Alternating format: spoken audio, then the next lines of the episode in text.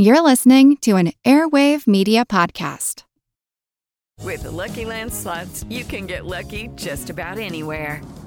This is your captain speaking. Uh, we've got clear runway and the weather's fine, but we're just going to circle up here a while and uh, get lucky. No, no, nothing like that. It's just these cash prizes add up quick. So I suggest you sit back, keep your tray table upright, and start getting lucky.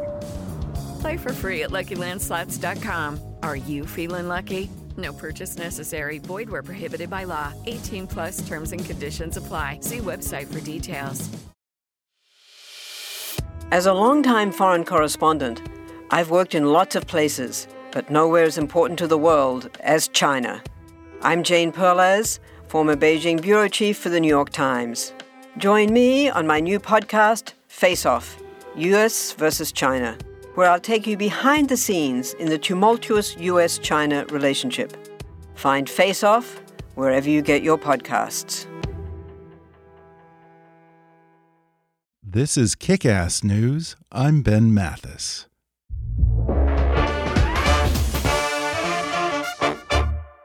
Summer is here and mosquitoes are too. Nothing can ruin a barbecue or an afternoon by the pool faster than those miserable little bloodsuckers. As soon as I start getting bit, that's my cue to head back in the house. But it really doesn't have to be that way. Don't let mosquitoes bug you this summer. TruGreen Mosquito Defense eliminates biting mosquitoes from your yard within 24 hours of application. It's all backed by their mosquito free guarantee. Get your first TruGreen Mosquito Defense application for just $39.95 or bundle your mosquito defense with a flea and tick service for just $20 more. Visit trugreen.com slash kick. That's T-R-U green.com slash kick. Restrictions may apply. And now, enjoy the podcast. Hi, I'm Ben Mathis. Welcome to Kick-Ass News. To most Americans, the dealings of the Department of Defense are a mystery and the Pentagon nothing more than an opaque five sided box that they regard with a mixture of awe and suspicion. But in a new book titled Inside the Five Sided Box Lessons from a Lifetime of Leadership in the Pentagon, former Secretary of Defense Ash Carter demystifies and sheds light on all that happens inside of one of the nation's most iconic and most closely guarded buildings. And on today's podcast, the 25th Secretary of Defense takes me behind the scenes to reveal the inner workings of the Pentagon, its vital mission, and what it takes to lead. He describes just how massive an organization the DoD is, how he managed a $7 billion budget, and how he recruited top tech talent to the Pentagon.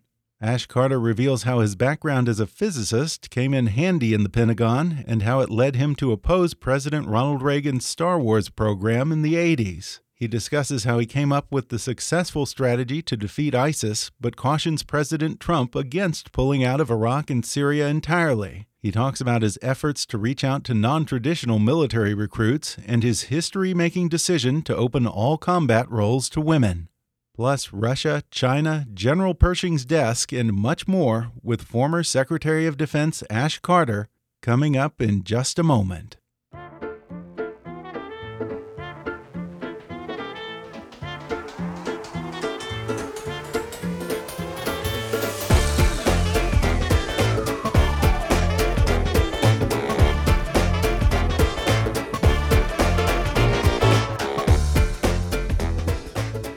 Over 35 years, Ash Carter served in numerous jobs in the Department of Defense, most recently as the 25th Secretary of Defense under President Obama. He currently serves as the director of the Belfer Center for Science and International Affairs at Harvard University's Kennedy School and as an Innovation Fellow at MIT. He's written a new memoir titled Inside the Five Sided Box Lessons from a Lifetime of Leadership in the Pentagon. And today he joins me on the podcast to talk about it. Ash Carter, welcome. Thanks, Ben. Good to be here with you. I described Inside the Five Sided Box as a memoir, but beyond that, you give readers a fascinating organizational tour of the Department of Defense and how it operates. You say in here that no institution in the world is as big, complex, or consequential as the DoD. Can you give us some numbers that put that in perspective? Sure. And you're absolutely right. This is not about me. This is a book about the Pentagon and how it works. And it kind of takes you inside the five sided box and gives you a peek down in the engine room uh, at the mechanics. And about the size, I mean, let me just give you a few metrics uh, here. We have more employees uh, in the Department of Defense, direct and indirect, then Amazon, McDonald's, Federal Express, Target, and GE combined. Wow. Huh. We ha- we do more R&D than Apple, Google, and Microsoft combined. We're the largest real property managers in the world, uh, managing a territory the size of the state of Pennsylvania. And so this is the largest enterprise on earth by a substantial measure. It is managerially speaking, because I was the number one, but I was also the number two, that is the CE, COO, Chief Operating Officer of the Defense Department. And then I was the number three, the top weapons buyer and R&D manager. And um, by in all three of those jobs, had to run what is the world's largest enterprise and um, its budget is half of the federal government. Wow. It is its budget is larger than that of most countries. It's about the size of the country of Sweden. As you said, you were weapons and tech czar and COO before taking over as Secretary of Defense. Do you think it's safe to say that you came into that post as SecDef with about as good a working knowledge of how the Pentagon works as just about anyone? Yeah, I think probably uh, among secretaries of defense, and I want to say uh, about my own experience that we have been blessed with a lot of good secretaries of defense. I knew every single one of them going back to Bob McNamara. And they all, I've known them for years. They all would call me up, obviously not Bob, who's dead, and some others, um, and and uh, give me support and advice when I was secretary. So there's a great brotherhood among us. But for pure experience in the Pentagon, I don't think, and in fact, I'm sure that there was no one who is was in there and associated with the place that long. You know, I first walked Ben into the Pentagon, my first job in 1981, and I walked out in January of 2017. That's a pretty long time. Yeah. And in addition to being the number one, the number two, and the number three, I was all, various layers down below as well. Uh, so uh, I've been in every little corner of it, and a lot of people have been in one part of it or another and, and got to be Secretary of Defense and were fine secretaries of, of Defense. But it just so happens that um, I know every corner, I know where every part of the every nickel of the dollar is spent and every relationship we have around the Yeah. world. It just so happens it's been my life. So I'm in a re- pretty good position to take the average citizen or a CEO or an interested young people thinking young person thinking about what he or she's going to do with their life and and take them inside and give them a tour. And that's what the book's about. And I didn't realize until I read the book that you came to the military with a background as a theoretical physicist. Did that come in handy at the DoD?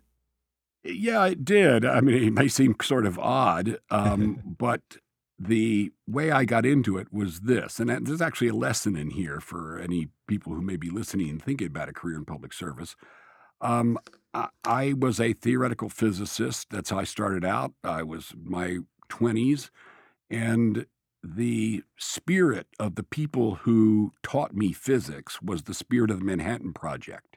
They were the Manhattan Project generation. They were proud of what they'd done, but they also knew that they had done something very serious and that they had a responsibility for the rest of their lives to deal with some of the consequences of nuclear weapons.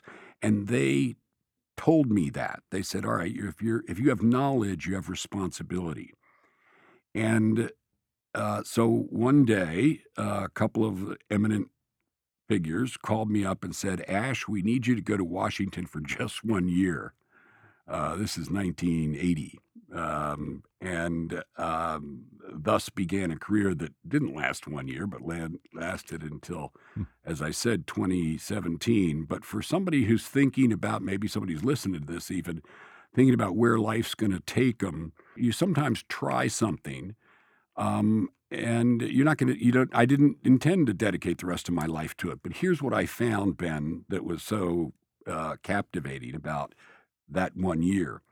First of all, where physics came in was I was actually useful because my knowledge made a difference in the rooms I was in. Um, and without my knowledge, decisions wouldn't have been as good. And I could see that. And second, I could see that the decisions we were making, which were about the big issues of the Cold War and nuclear weapons, uh, were hugely consequential things. So you Sure. put those two things together that you you can make a difference and the issues are huge and you know what else that's the perfect combination for a young person so i was captivated by it as i think anybody would be and that led to my whole my whole career now you ask whether being physicist was useful later um, it certainly was when i was in charge of all the r&d and buying all the weapons i Mhm. knew how everything worked um, and nobody in the defense industry or in the any laboratory could fool me. That was useful. but even as Secretary of Defense, and uh, there are other backgrounds that do this for you, but one thing that science teaches you is that you can learn anything. And so when I was encountering a new problem, like what to do about ISIS or a new place I wasn't familiar with, uh, where suddenly a crisis arose or we had to do a hostage rescue or a counterterrorism uh, operation, I had the habit of mind that if I applied myself, I could learn enough about it. Mhm. And I never gave up. So I think that science does teach you that not to be afraid, that nothing is beyond your knowledge as long as you work hard enough. And another place where your physics background came in handy pretty early on uh, was during that stint in the 80s. Uh, you objected to the Strategic Defense Initiative, better known as Reagan's Star Wars program. From a physicist's point of view, why was Star Wars a bad idea? Well, it just wouldn't work. Uh, I wasn't saying whether it was a good idea or a bad idea, but I, I knew that excimer lasers, free electron lasers, chemical lasers, X ray lasers, I knew what all these things were. And so I analyzed the prospects that if they were put up on big satellites in space, they could shine down and shoot ascending missiles from the Soviet Union attacking the United States if nuclear war should break out. And that would obviously be a good thing if you could do it, but you Mhm. couldn't do it. And in years later, 40 years later, when I was Secretary of Defense, Ben, we still don't know how to do it. Um, and you know, we we do have missile defenses, but they're not based on lasers. They're based on rockets that go up and Mhm. bash into other rockets Yeah.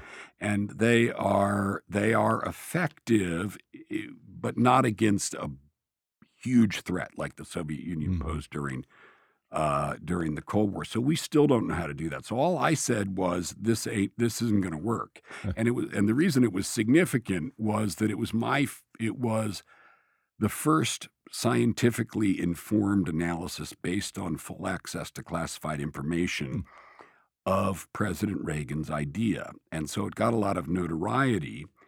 And as things happen in our world, even then, um, eh, you, you are contending with something the President of the United States did. And that means that the munchkins around him uh, try to come after you and take revenge. And that was scary for me because I Mhm. was a naive scientist. I had no, I was not intending to get involved in anything political. I was just, from my point of view, telling the truth.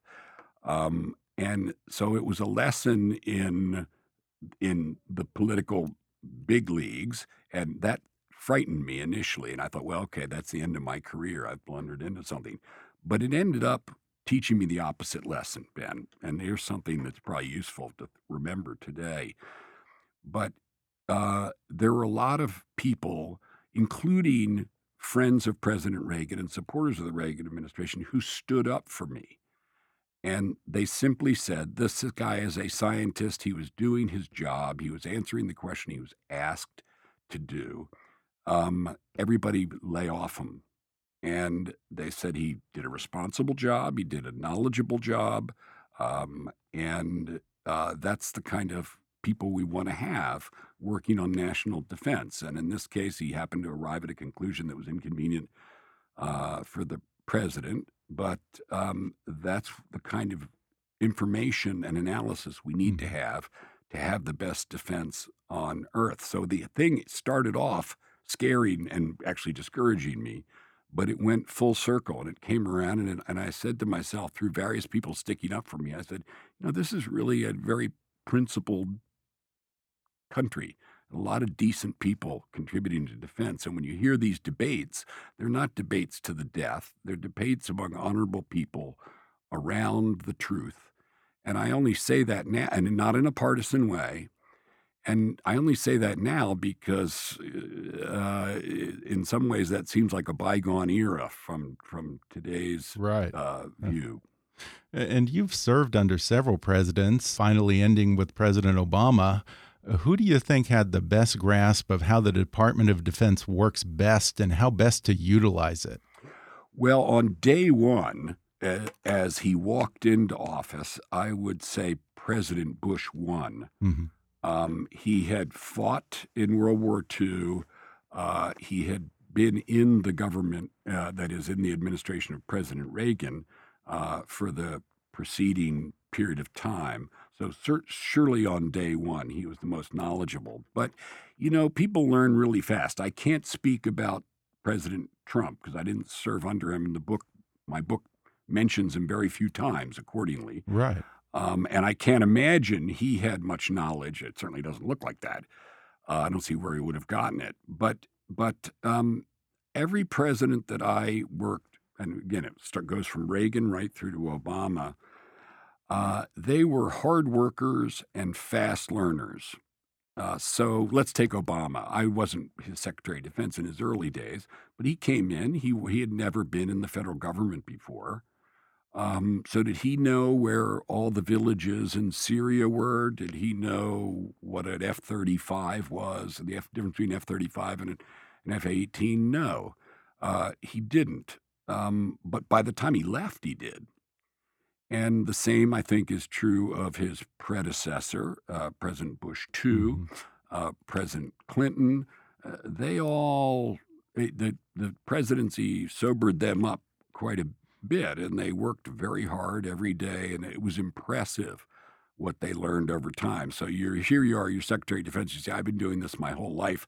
I can't expect the president to know this. Sure. And you go in and you start talking to him about it, and damned if he doesn't already know about it. I was always impressed with all of them. Really? With the the degree of mastery they got over mm-hmm. time. But at those early years are very sensitive because you can't expect them to have all that mm-hmm. mastery.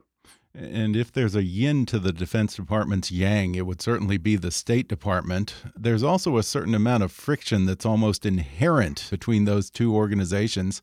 How do you view that relationship? I really refused to have friction. Mm-hmm. Um, really? And I, I, I, yeah. I mean, well, we had disagreements How do you do that? sometimes. John, John, How do you? John, yeah, John Kerry and I. But that's not friction. I yeah. mean, John Kerry and I would ag- would agree to disagree in okay. front of the president from time to time, and uh, that's that's that's called giving unvarnished advice, and uh-huh. the president hearing different points of view. Friction's different, and here's how I learned my lesson, Ben. I remember being an assistant secretary of defense when the secretary of defense was Bill Perry, who was the secretary of defense to um, uh, Bill Clinton. And I had a number of assistant secretaries of state who were my counterparts because we, we, had very few assistant secretaries of defense and they had lots of assistant secretaries of state. So your counterparts were many to one. But I'd go in and every once in a while to Bill and I'd complain. And I remember him looking at me and saying, Ash, I will never call up Warren Christopher, who was the Secretary of uh, State at that time. I'll never call him up and complain about something our staffs can't resolve. He said, I'll just never do that. So there's no point in you coming to me and doing that. I want you to work things out yourselves. And I took that to heart. And then I, when I was secretary, I would say that to my my staffs. Um, it, we can't have petty bureaucracy fighting. We can have debates. And I actually been on the substance of it, believe that in today's world, even in matters of war, I benefited from the inputs of the diplomats, the intelligence people, the financial people and treasury people, because the world's complicated. And if you're running a war, as I, I was in Afghanistan, in Iraq, in Syria, uh, and almost wars in many other places, uh, most of those have a big political and economic dimension to them. Now, I do remember working for Caspar Weinberger in the 80s when it was a simpler world. There was only one war that we all thought about all the time, which was the big one between us and the Soviet Union, right? And that was so uh, apocalyptic that it was purely military. Mm-hmm. And Caspar Weinberger believed that we needed it, and he held uh, secret within the Defense Department all aspects of our war plans. That was the habit then. And we wouldn't share them with anyone but the President of the United States. We wouldn't share them with the State Department or anybody else. And that was reasonable at that time because there was there was almost no political and economic point after you've launched nu- uh, started a nuclear yeah. war. Um, but if you're fighting ISIS and you're defeating ISIS, we all know, and this is important right at this very moment, that they're not beaten for good if you don't work on the political and economic circumstances that right. gave them birth in the in the first place. Sure. So these days, a Secretary of Defense needs to have good relationships with other people around town. So it's not a luxury and it's not just a, a kindness or a courtesy. Uh, in order to do your job right for the country, you gotta uh, make a team effort. We're going to take a quick break, and then I'll be back with more with former Secretary of Defense Ash Carter when we come back in just a minute.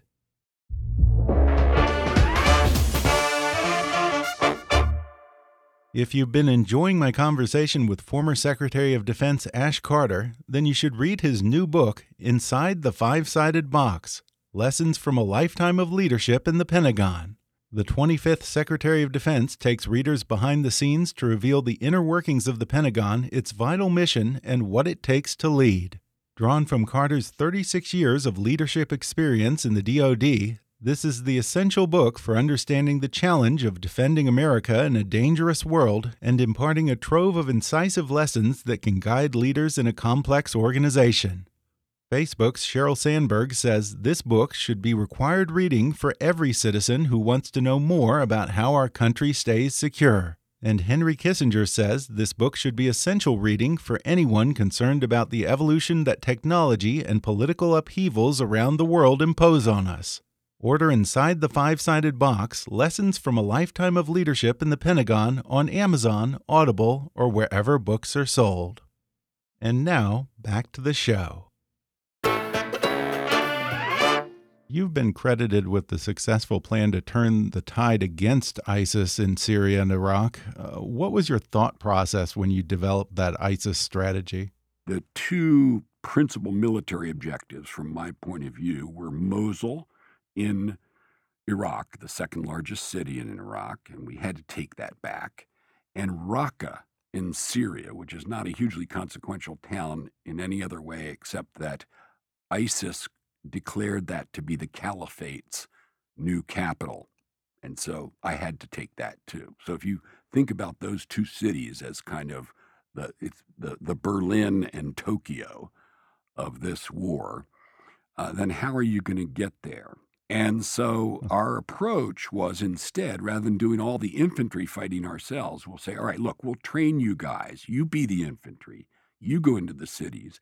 Our role will be to advise and accompany you on the ground, but also to bring the huge tornado of the U.S. military down upon the battlefield. And you'll get intelligence and air power and logistics and all the stuff that only we can do and will overwhelm uh, the enemy ISIS. So that was our strategy. But by the end of 2015, um, I and Joe Dunford, who was the chairman of the Joint Chiefs of Staff, had built that plan um, uh, for Mosul and Raqqa. The president had approved it. We got all the, I had countless meetings with the allies and also with Abadi of Iraq and Barzani of of, of, of the Kurdish Republic, uh, which is part of Iraq, uh, and also Syrian forces. And um, basically, by the time I left office in early 2017, it was it was all over. The, mm-hmm. We had um, surrounded those cities, and we, it was inevitable that we were going to Yeah. we were going to take them, and then we subsequently did. Now, I, I as I mentioned earlier, I'm I'm, I'm worried that we're uh, taking our foot off the gas, and um, uh, it's a mistake to now turn around and and uh, leave the place to without our influence anymore. I'm not saying we have to be fighting. Sure. Surely not dying there, but we need to keep our influence there simply as a matter of self protection. Mhm. We've won the war. Let's not unwin another war in Iraq. So is President Trump then justified in his assertion that ISIS, as he put it, is basically defeated? Yeah, I think so. I think the I think as I said, both the fact and the idea are destroyed. The only thing you have to say is that nothing's gone forever. Uh, there are a few of these fanatics left. We pursued them down to the Euphra- down the Euphrates Valley. I thought we were going to kill them all. Apparently, we didn't. So there are still some there, which is one, one of the reasons why we need to stay. Um, and um, these are fanatics, and so they will try again to get people on their side. And if you allow the conditions to be recreated where they can uh, get a few people on their side and then tyrannize the rest of the people, you'll have old ISIS back again. Mm. That's why I would. I think we should not leave Syria, Yeah. not leave Iraq. We should stay in the game. Um, again, not fighting and dying, but assisting and enabling our friends there. These people are now they they fought the war we asked them to fight. They won the war. Uh, they couldn't have done it without us, uh, but they won the war. Now we want them to win the peace, and to turn our backs on them at this point is is self self defeating. And global terror is one of the five biggest threats you list in Inside the Five Sided Box. Also on that list are Russia, China, Iran, and North Korea. And I want to try to get to each of these in the time we have. First off, Russia. It almost seems like there are too many problems to keep track of. Putin is testing us on so many different fronts, whether it's cyber warfare, the election, Syria, uh, aggression in the Arctic, Ukraine, and potentially other former Soviet satellite states, violating the nuclear test ban, withdrawing from nuclear treaties. With so many balls in the air, where do we focus our resources with Russia? Well, yeah, it's a, it's a, it, it, he. You're exactly right. He's he's all over the globe and all over the strategic map. But there is a common denominator to Mhm. Putin, and I say this because I've have been in meetings with Vladimir Putin since 19, I think 1993. Putin feels that the Soviet Union's collapse was a catastrophe for the Russian people. Uh, and he's entitled to that view, obviously. He um, believes that the United States has made mistakes around the world, and he enumerates them, uh, toppling governments and then not knowing what to do. So he makes some reasonable points that I don't necessarily agree with, but you can understand. But here's where Vladimir Putin becomes tough to work with. He views thwarting the United States as an aim of his foreign policy in itself. Now, if he wants to talk to me about Syria, okay, we can talk about Syria. We can have different views. Maybe we can build a bridge between his view and my view in some way of, of, of, of reaching common ground. Uh, same thing if we're talking about terrorism. Same thing if we're talking about North Korea, uh, China, whatever. But if his objective is, so to speak, excuse my expression, to screw the United States, that's an objective I can't. You know, you, you, you can't compromise with that, Ben. I don't know how Yeah. to build a bridge to that. And that's what makes him Yeah. so difficult. And that's why you have to push back. hmm We didn't have a war plan for Russia because when the Soviet Union ended, we didn't need our Soviet and Warsaw Pact war plan anymore. hmm And it looked like they were either on the ropes permanently or were going to kind of turn into a democracy or at least some sort of friend. And that's what everybody hoped. But when I was Secretary of Defense, um, I said it's, it's time we have a war plan for Russia again. I'm sad to say that, uh, but we need one, and NATO needs one. That's when we began to put the, the additional forces into Europe. And obviously, this is not something we say a whole lot about in detail publicly, but we began to build again a comprehensive war plan uh, for Russia. And then in the cyber area, you mentioned that. Um, there's a lot we need to do there. Uh, the Obama administration didn't do enough, and the Trump administration hadn't mm. done enough. The United States has not done enough, and this guy hasn't learned any lesson uh, at all. So I think that he will not um, stop pushing. It's just not his nature until and unless we push back. And that doesn't mean starting World War III, but it means applying counter pressure and uh, checking his moves. That's why one of the reasons, besides ISIS, that I wouldn't simply walk out of northeast Syria. That has become our our strategic uh, uh, chess piece with respect to Syria. We didn't have um, any leverage over Syria. Now we do. Why would you let go of your leverage given that both Iran and Russia, who are our antagonists, are trying to um, uh, establish their own position in Syria? Why would you surrender the U.S. position? So we need sure. to do a lot of pushing back. And in this book, you also warn that the U.S. is beginning to lose its technological advantage over countries like China and Russia. To address that problem, you became the first defense secretary to reach out to Silicon Valley in, I think, 20 years. What was your pitch to top tech talent? There are two things that make our military the finest fighting force the world has ever known, Ben. One is our people, but the other is our technology. And uh, in the old days, we used to do all the technology ourselves. We just give we most of the things of importance, like the internet and communications satellites and jet engines and all this stuff, was done by the Pentagon. Now there's a lot of technology outside of the Pentagon, and we need to reach out and get it and get it used as appropriate to defend our people mm-hmm. and make a better world. That's our that's our job. And to do that, we have to have a reasonable relationship with the tech community. And the passage of time had led to a certain amount of estrangement, or in some cases, they just never worked with us before. And then there was things like Edward Snowden that created a suspicion about us. And I needed to try to patch that up and say to people, look, let's agree to disagree about Edward Snowden. But we do have a common mission here. We both believe, we all believe in freedom. We believe in civilization. We believe in protecting uh, our people.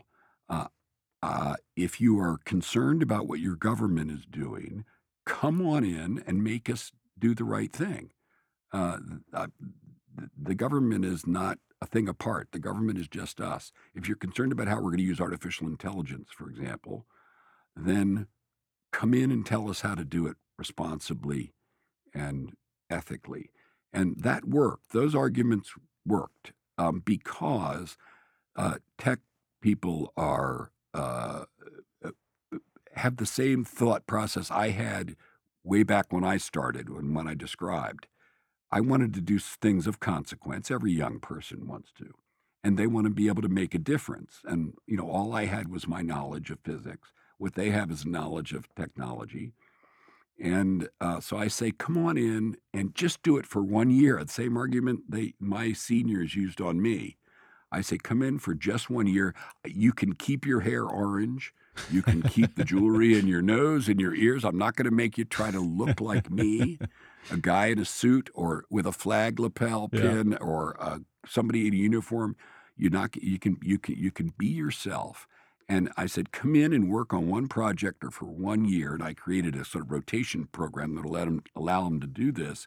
And I said, Here, here's what I guarantee you. I guarantee you when you walk out, if you walk out after a year, that you this will be the thing you're proudest of having done your entire life. Mm-hmm. Um, you're going to be dealing with issues of life and death and uh, freedom and slavery and your government doing the right thing or the wrong thing, uh, all that's really meaningful. There's nothing nobler than than uh, public service, in my judgment. And of course, security is the thing without which no other good things in life can be had if you're not safe. And as part of your effort to attract the best talent to the DoD, You advocated for greater outreach to members of the LGBT community, single parents, and other non traditional recruits. And one of your major policy changes was your decision to open combat to women. You say in the book that you kept that plan a secret, even from the president, right up until the moment that you announced it. Why? I wanted this to be a professional, sober, military personnel decision. Okay. It's not a it's not a political decision, and uh, he wouldn't do this. A, a, president wouldn't do this, but White House staffs, you know, they could they could say they could try to take political credit for it. I didn't want anybody True. getting political credit for anything Huh. because that would only mess things up. That would make something that was kind of a no-brainer into a political thing hmm and it wasn't social policy. You know, I, I tell people who say talk about social policy, I say you, you, you not only have that wrong, you've got it upside down. It would be social policy to exclude people not on the basis of their military qualifications, but for some social reason. That would be social policy. Military yeah. policy is to have the best people who are the most qualified to do the most solemn job uh, that you can have, which is defending the country. Well, I'm kind of ending by going backwards here, but I have to tell you that my favorite chapter title was from the first chapter. It's called How Not to Waste $700 Billion a Year. and this gets into your role as a chief of procurement at the Pentagon.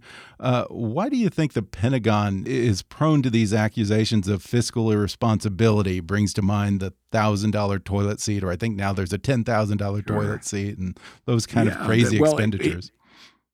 Because it does happen, yeah. and it's unacceptable. And it, it's number one, it doesn't happen a lot, but it happens. Uh, and and second, it's completely unacceptable. How can I go out and ask the taxpayer for about seven hundred and fifty billion dollars a year with a straight face, which I you know was happy to do, uh, knowing that the money wasn't used well? I, you can't have that. You Mhm. can't you, you you can't do that.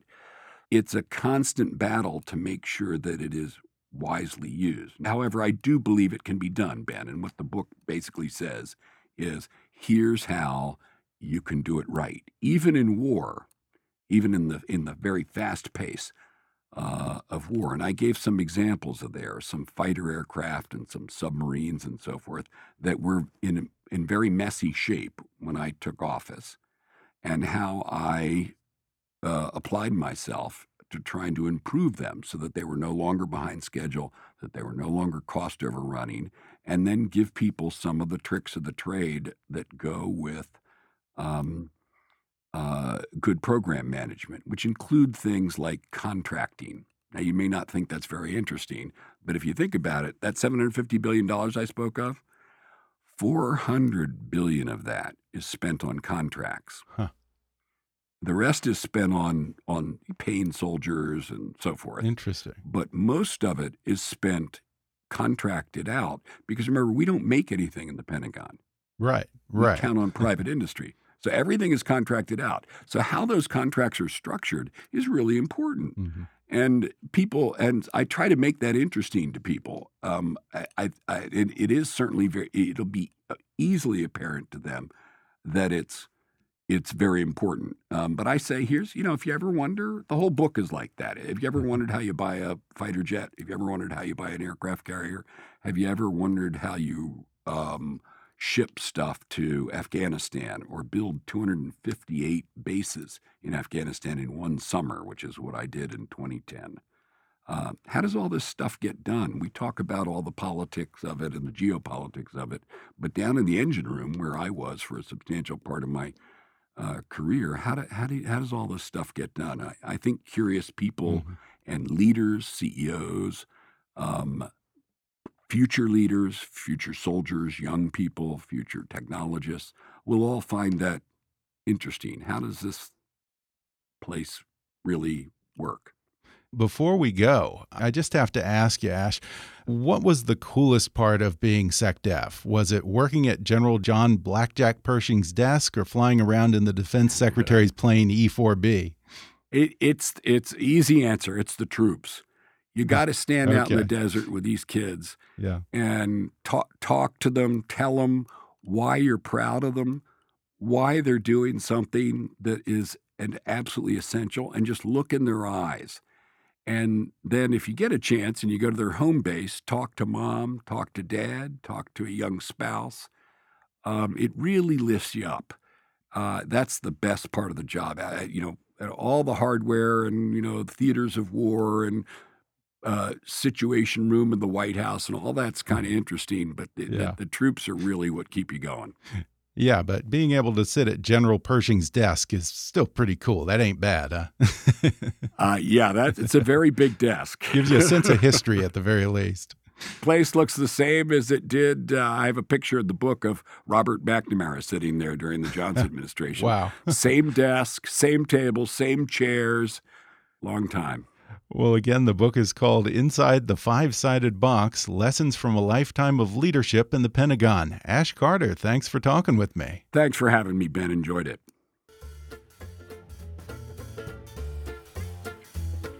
Thanks again to Ash Carter for coming on the podcast. Order his new book, Inside the Five Sided Box Lessons from a Lifetime of Leadership in the Pentagon, on Amazon, Audible, or wherever books are sold. Be sure to subscribe to Kickass News on Apple Podcasts if you haven't already. And if you like what you're hearing, then rate and review us while you're there. Five star reviews are the easiest way for new listeners to find us. Don't forget to like us on Facebook and follow us on Twitter at, at KickassNewsPod. And feel free to email me with your thoughts, questions, and suggestions at comments at kickassnews.com. Until next time, I'm Ben Mathis, and thanks for listening to Kick Ass News.